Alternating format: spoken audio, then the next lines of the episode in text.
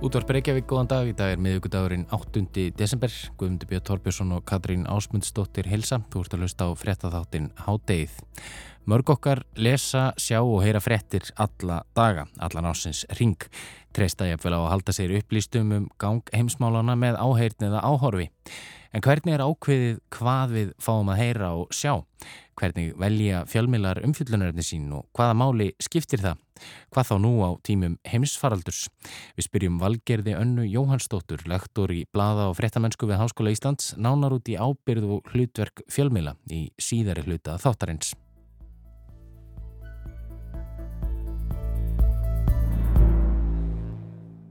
Vladimir Putin, Rúslands fórseti og Joe Biden fórseti bandaríkjana funduðu í gæri um tvær klukkustundir. Rússar hafa aukið við herablasin við landamærin að Úkrænu og óttast bandaríkin og Evrópusambandsríkin að rússar gætu reyndað innlima enn stærri hluta Úkrænu inn í Rúsland strax á snemma á næsta ári. Guðmundubjörn tekur nú við. Это «Россия-24». Прямо сейчас главные факты этого дня. И начинаем с главной темы. Владимир Путин и Джозеф Байден ведут переговоры по видеосвязи. Fyrsta frett í frettatíma rúsneska ríkisjónvarpsins í gerkvöldi var þessi. Nú standa yfir samningaviðræður Vladimir Putins og Joe Biden. Þeir ræða saman í gegnum fjárfundabúnað en Putin er í Sochi og Biden er í Washington. Biden включился из Вашингтона. Þetta með fjárfundabúnaðin var alveg rétt hjá fréttakoninni en hvort eiginlegar samninga viðræður hafi staðið yfir millir Pútins og Biden skal ósagt látið. Það gengu allavega ekkit sérstaklega vel, það er að mista kosti skoðun bandaríkina. Á fundi fósetta þessara stórvelda lísti Joe Biden yfir áhyggjum bandaríkistjórnar af sívaksandi herabla rúsa við ukrainsku landamærin. Stjórnvöldi í Úkrænu hafa greint frá því að um 100.000 rúsneskir hermenn séu nú stattir við landamærin og óttast bandarækistjórn, líkt á Európusambandið, að innrás rúsa sé yfiróandi. Þá hótaði bæten því á fundinum í gær að ef að innrás verður muni bandaríkin herða enn frekar viðskiptaþingarnir sínar á rúsa, þingarnir sem muni beinast nú gegn stærstu böngum landsins, sem myndi setja milliríkja viðskiptum rúsa umtalsarðar hömlur. Pútín ítrekkaði á fundinum í gær að rússar hefðu ekkert slíkt í bígerð þrátt fyrir stór aukin herabla á landamærunum. En um hvað snýst þetta mál? Eru rússar virkilega að leggja ráðinum að ráðast inn í Úkrænu? Eða er hægt að taka orð Pútíns trúanleg?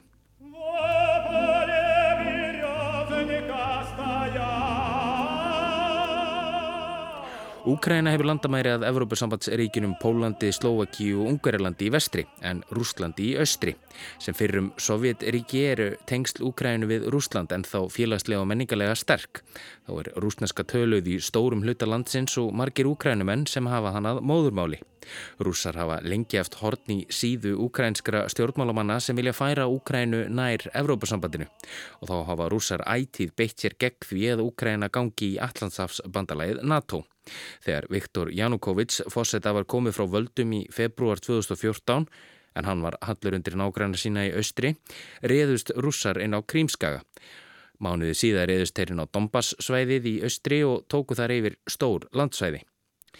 Átöka var staðið yfir á Donbass-svæðinu æg síðan og upp á síkastið hefur dreyið til tíðinda. Rússar hafa síðustu daga aukið herablassinnum reyflega 90.000 á svæðinu og sendt þangað skriðdrega, leyniskittur og önnur stríðstól. En þeir hafa ítrekkað gefið út að það þurfu nú ekki hafa neinar sérstakar áhyggjur af þessu en þær eru einhverja síður til staðar og telja fjálmæki sérfræðingar að rússar getur látið til skarar skriðast nefna á næsta ári. Bandariska leinithjónustan telur að fjöldi rúsneskra hermana á svæðinu geti fjölgað upp í 175.000 í janúar og telur William Burns, fóstjóri CEA, að Putin fósiti sé að koma rúsneska hernum í þá stöðu að þeir geti hratt og öruglega unnið hernaðarlega stórsigra á þessu svæði. En höfum við ekki hýrt þetta allt saman áður? Jú, því bara í apríl á þessu ári voru svipaðar áhyggjurættir á lofti þegar rússar jöku við herraflasinn á svæðinu. En þá voru herrminnir mun farri og þeir drói herlisitt að mestu tilbaka skömmu síðar. Fréttaskýritur heldur því fram að Putin væri þá aðeins að nikla vöðvana fyrir fram að nýjan bandrækjafósetta, Joe Biden.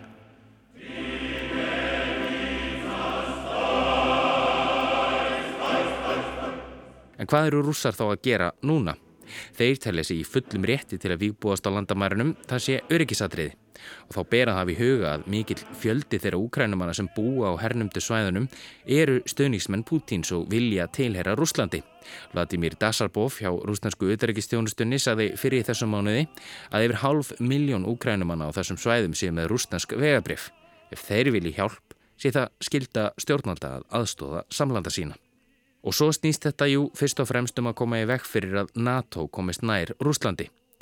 Rússar vilja ekki að Vesturlund, það er Európa-sambandið, Bandaríkin og NATO og svo framvegis fari yfir rauðu línuna sókullu sem liggur í gegnum austurluta Úkrænu, millir borgarna Donetsk og Luhansk. Með öðrum orðum, rússar vilja halda fjarlæð frá NATO en NATO hefur aðstóðað Úkrænu undanfærið þrátt fyrir að landi sé ekki í hernaðarbandalænu. Bretar hafa til dæmis aðstóðu uppbyggingu á tveimur herstöðum við Svartahaf og Asofshaf og Jens Stoltenberg, framkvæmdastjóri NATO, segir það undir úkrænumönum sjálfum komið hvort þeir vilja ganga í bandaleið. Rússar hafi ekkert um það að segja. En þeir verðast nú samt ekki ætla að taka auknum umsöfum NATO í Úkrænu, þegjandi og hljóðalust.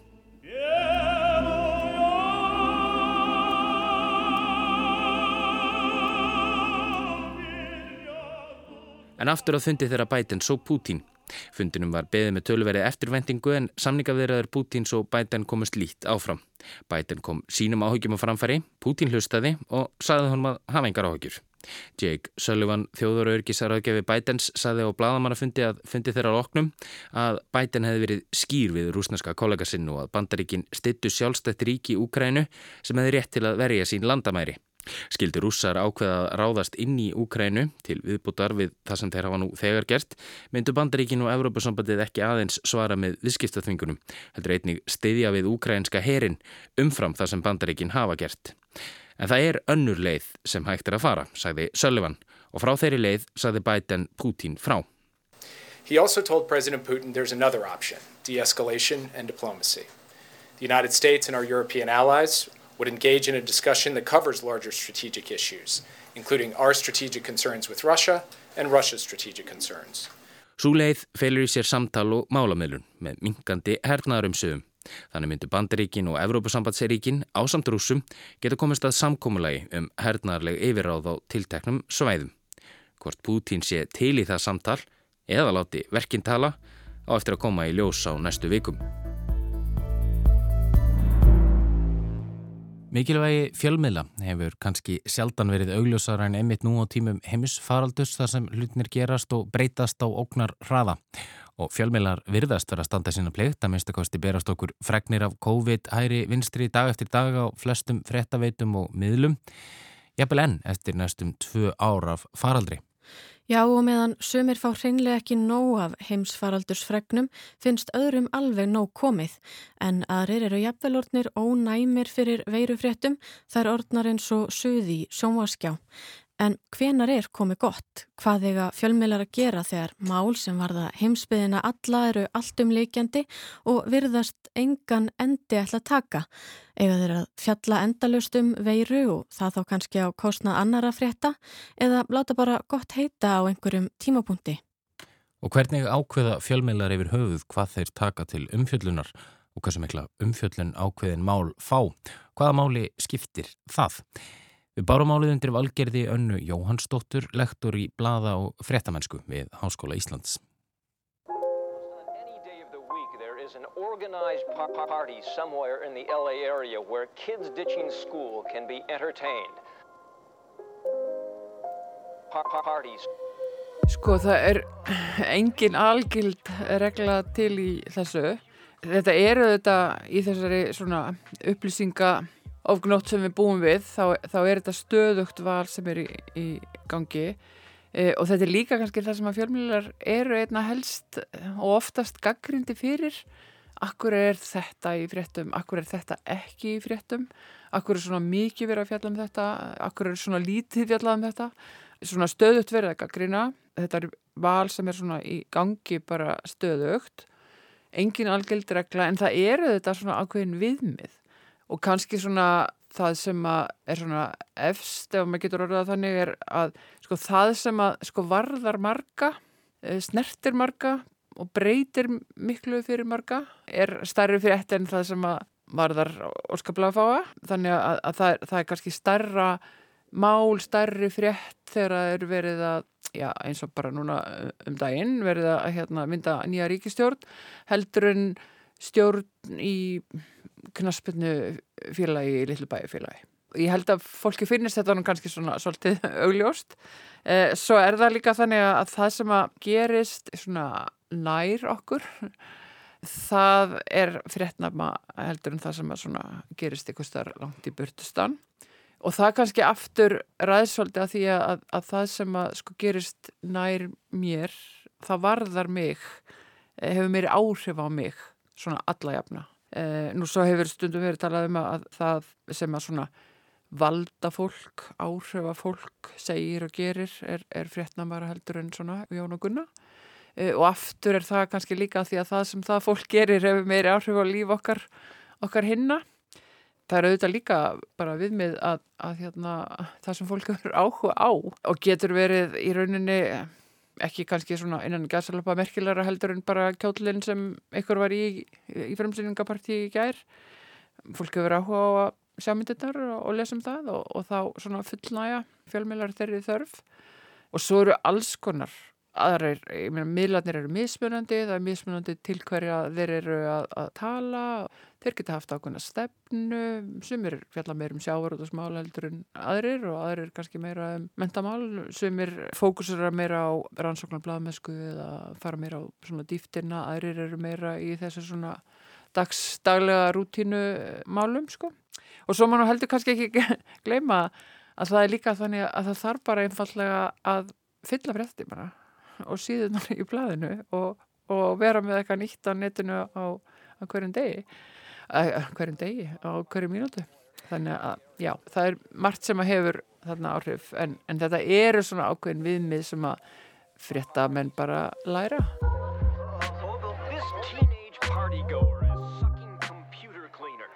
Hvaða áhrif og afleggingar getur það haft að gefa ákveðnum álefnum vægi öðrum ekki. Hvað vald er þetta sko þessi ákvarnataka um hvað farum fjöllun og hvað ekki?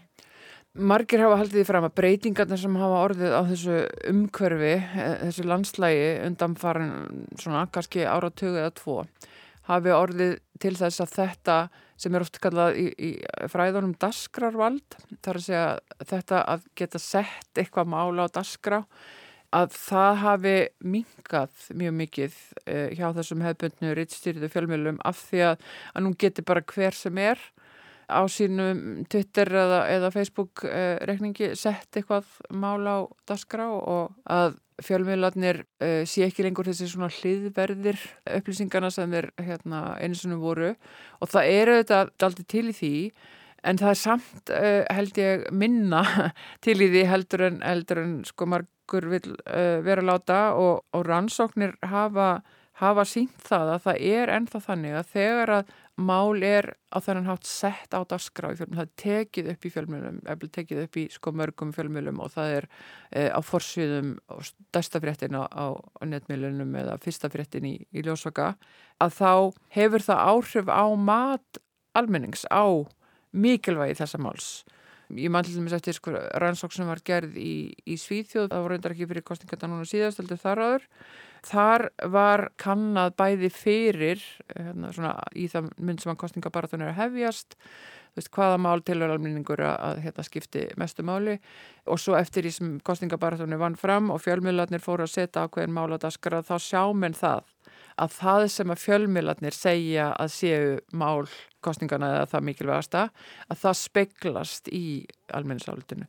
Þannig að, að það er þannig að eftir því sem að sko, fjölmiðlar fjalla meira um mál að, að því svona mikilvægara skinnjum við lesendur og áhörundur að, að þetta málefni sé. Og svo eru þetta sumt sem er þannig og þá kannski líka ekki síst við það sem að gerist svona fjær okkur að þá einfallega veit fólk ekki af því að eitthvað sé að gerast eða hafi gerst nema af því að það fær það í gegnum þessa hefbundnu rýtstíðriðu fjölmjöla. En hvað með vægi ákveðina málefna og málaflokka Til dæmis, ef við tökum óvísendalegt dæmi, finnst manni æði oft fjallaðum einstaka morði í fjölmiðlum og í menningarefni, afþreyingarefni, hlaðvörpum og heimildamindum og svo framvegis og svo framvegis, en á sama tíma eru morð hlutfalslega afar fátíð. Og svo er kannski sjaldan eða sjaldnar fjallaðum flóttafólk, þó málefni þeirra séu ævarandi. Hvað segir valgerður þurfa fjölmiðlar að gæta því að umfjöllun þeirra sé hlutfalli við eða endur spekli raunveruleikan? Þurfa fjölmiðlar að, að vanda sig? Já, þeir þurfa að gera það. Þetta er svona okkur jafnvægislist sko, á, á milli þess sem að fólk vill og fólk þarf. og svo er þetta, þetta líka spurningu um sko, hvaða bolmagn fjölmiðlar hafa til þess að gera það sem að gera þarf. Og það eru þetta eitt af því sem er áhyggjefni hér til dæmis eh, sérstaklega hvað var þar engareknu miðlana. Þeir standa ekkit allt og vel og þar hefur fækka fólki og þar er mikið álag. Og að því vart að nefna dæmi svona um einstökum orð í, í bandaríkjanum að það getur í sjálfu sér sko verið auðvildara að fjallum það af því að það bara gerðist þetta og það þarf ekki að setja það í einhvern sérstakt hérna, samhengi eða skilja. Jafnvel eina sem þú þarfst að gera er að snara nokkurnu einn yfir að ástkjara ílhýra og, og svo er það búið. Á meðan að málins og flótamannavandin er sko, flókin vandi sem á sér margar hlýðar og hefur margvíslega áhrif og kallar í rauninni á allt annars skólar umfjöllun og þá þarftu að hafa öfluga miðla til þess að, að geta sint svoleiðis málum almennilega og af þeirri svona virðingu sem að það krefst og góð og vöndu svoleiðis umfjöldun sem setur í samhengi og setur líka í samhengi við þú veist hvaða máli skiptir þetta mig? Af því í rauninni skiptir þetta okkur all máli og, og COVID kannski ekki síst og, og svona allar hliðar af því hafa sínt okkur hversu tengdur heimurinn er sko og það sem gerist í langt í börtistan hefur í alveg áhrif á okkur sko en það krefst kannski svona annars konar og meiri vinnu og til þess þurfa fjölvilatar að hafa bólmagn til þess að geta gert þetta almennilega. Og að þú talar um jafnvægislistina þá er kannski bæði það að krefst meiri vinnu heldur en jafnvel hitt og mm. sama tíma jafnvel kannski ekki það sem að fólk myndi heldur vilja lesa. Þannig að það myndi kannski jafnvel fá fleiri klikk líka heldur en vöndu laung tímafreg fréttum flottamenn. Já, já, það gæti alveg gert það. Mm. En það eru þetta þannig beinleginis í sko lögum og víðast hvar sko allavega svona nágrunlandunum um fjölmjöla að þeir hafa ákveðna skildur, þeir hafa ákveðin réttindi og svo hafa þeir líka ákveðna skildur og er í rauninni snúast ekki bara um það að skemta fólki. Og ef maður tekur til dæmis bara svona að því að það er svo nýleitt hér hjá okkur sko það að styrkja fjölmjöla, engarakna fjölmjöla af almanna fjö, það er auðvitað gert af því að þeir hafa þetta hérna, mikilvæga hlutverk í líðræðis samfélögum að upplýsa borgarna og allt það en ekki af því að það vanti fleiri true crimes seríur eða einhvers konar svona afþöringarefna, nóg frambóða því og þeim fyrirtækjum verist ganga ágætlega. Þannig að þetta eru þetta ákveðna skildur en á sama tíma eru fjölmjölunum, þeim er mjög þröngt skorinn þetta er mjög erfitt umhverfi. En hvað þá þegar mál eru áframhaldandi, langvarandi og jafnvel alltum líkjandi eins og í tilfelli heimsfaraldurs, stríða og hörmunga og til dæmis kynbundins ofbeldis. Hvað þá? Á fjölmiðill að halda áfram að fjallum málið dag eftir dag eða getur verið að þá þreytist einfaldlega hlustandin verði jafnvel ónæmur. Það eru öruglega þannig að þegar eitthvað glimur á manni stöðugt og það er einhvern veginn engin breyting, engin lausn, ekkert í raunin að gerast að þá svona kannski aðeins svona loka maður eirunum en sperrir þau svo aftur ef eitthvað, eitthvað gerist sko. Eitt af því sem að sko fréttamílar eru kannski ekkert sérstaklega góðir í að gera er að fjalla um þróun yfir langt tíma. Fréttir eru einhvern veginn í eðlisinni aldrei svona atbyrðatengdar þannig að, að þegar að eitthvað, sagt, eitthvað gerist eins og til dæmis fyrir okkur er vonar takt að taka eldgoss og þá er bara stöðu umfjöldunum það og það er fyrsta frétt í ykkur að daga en svo bara heldur eldgossi áfram að matla og það er í sjálfu sér ekkert okkur stafar enginn hætt af því eins og þannig gældingadölum og eitthvað. Og þetta færist svona neðar og neðar og dettur jápil algjörlega út sko úr fréttum í ykkur að daga svo gerist eitthvað. Og þá tekur maður það upp aftur sko uh, og að því að það er nú svona líka alveg nýlega dæmi sko Mjönmar að þá er þetta það gerist eitthvað, herrfóringa stjórnin tekur hérna yfir og það er sagt var því öllum helstu millum dag eftir dag eftir dag. Svo einhvern veginn bara mallar ástandið og þá dettur það niður og menn snúa sér að einhverju öðru, svo gerist eitthvað. Aung San Suu Kyi er, er dæmd og þá er það svona atbyrðurinn sem að frétta mér hengja umfjöldun á, þetta gerðist og svo er rakið í rauninni staðan. En þetta eru þetta val og má alltaf held ég um það deila. En það eru ekki náttúrulega 24 tímar í sólurhingnum og því miður þannig að það er alls konar hörmungar allstaðar þannig að það þarf að velja og eins og ég segi engin fullkomin leiði því. En menn svona reyna og örgulega oft hægt að segja eitthvað hafi verið sko mistökt eða rántval eða eitthvað en, en þetta er bara já, það sem menn standa fram með fyrir hverjum degi að, að þurfa að gera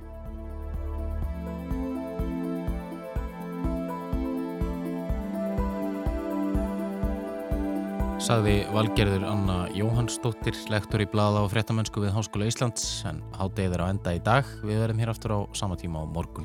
Þátturinn er einnig aðgengilegur í spilarannum og á hlaðvarpsveitum og þá er þetta að senda okkur post með ábendingum á netfangið háttegið hjá rúf.is. Verðið sæl.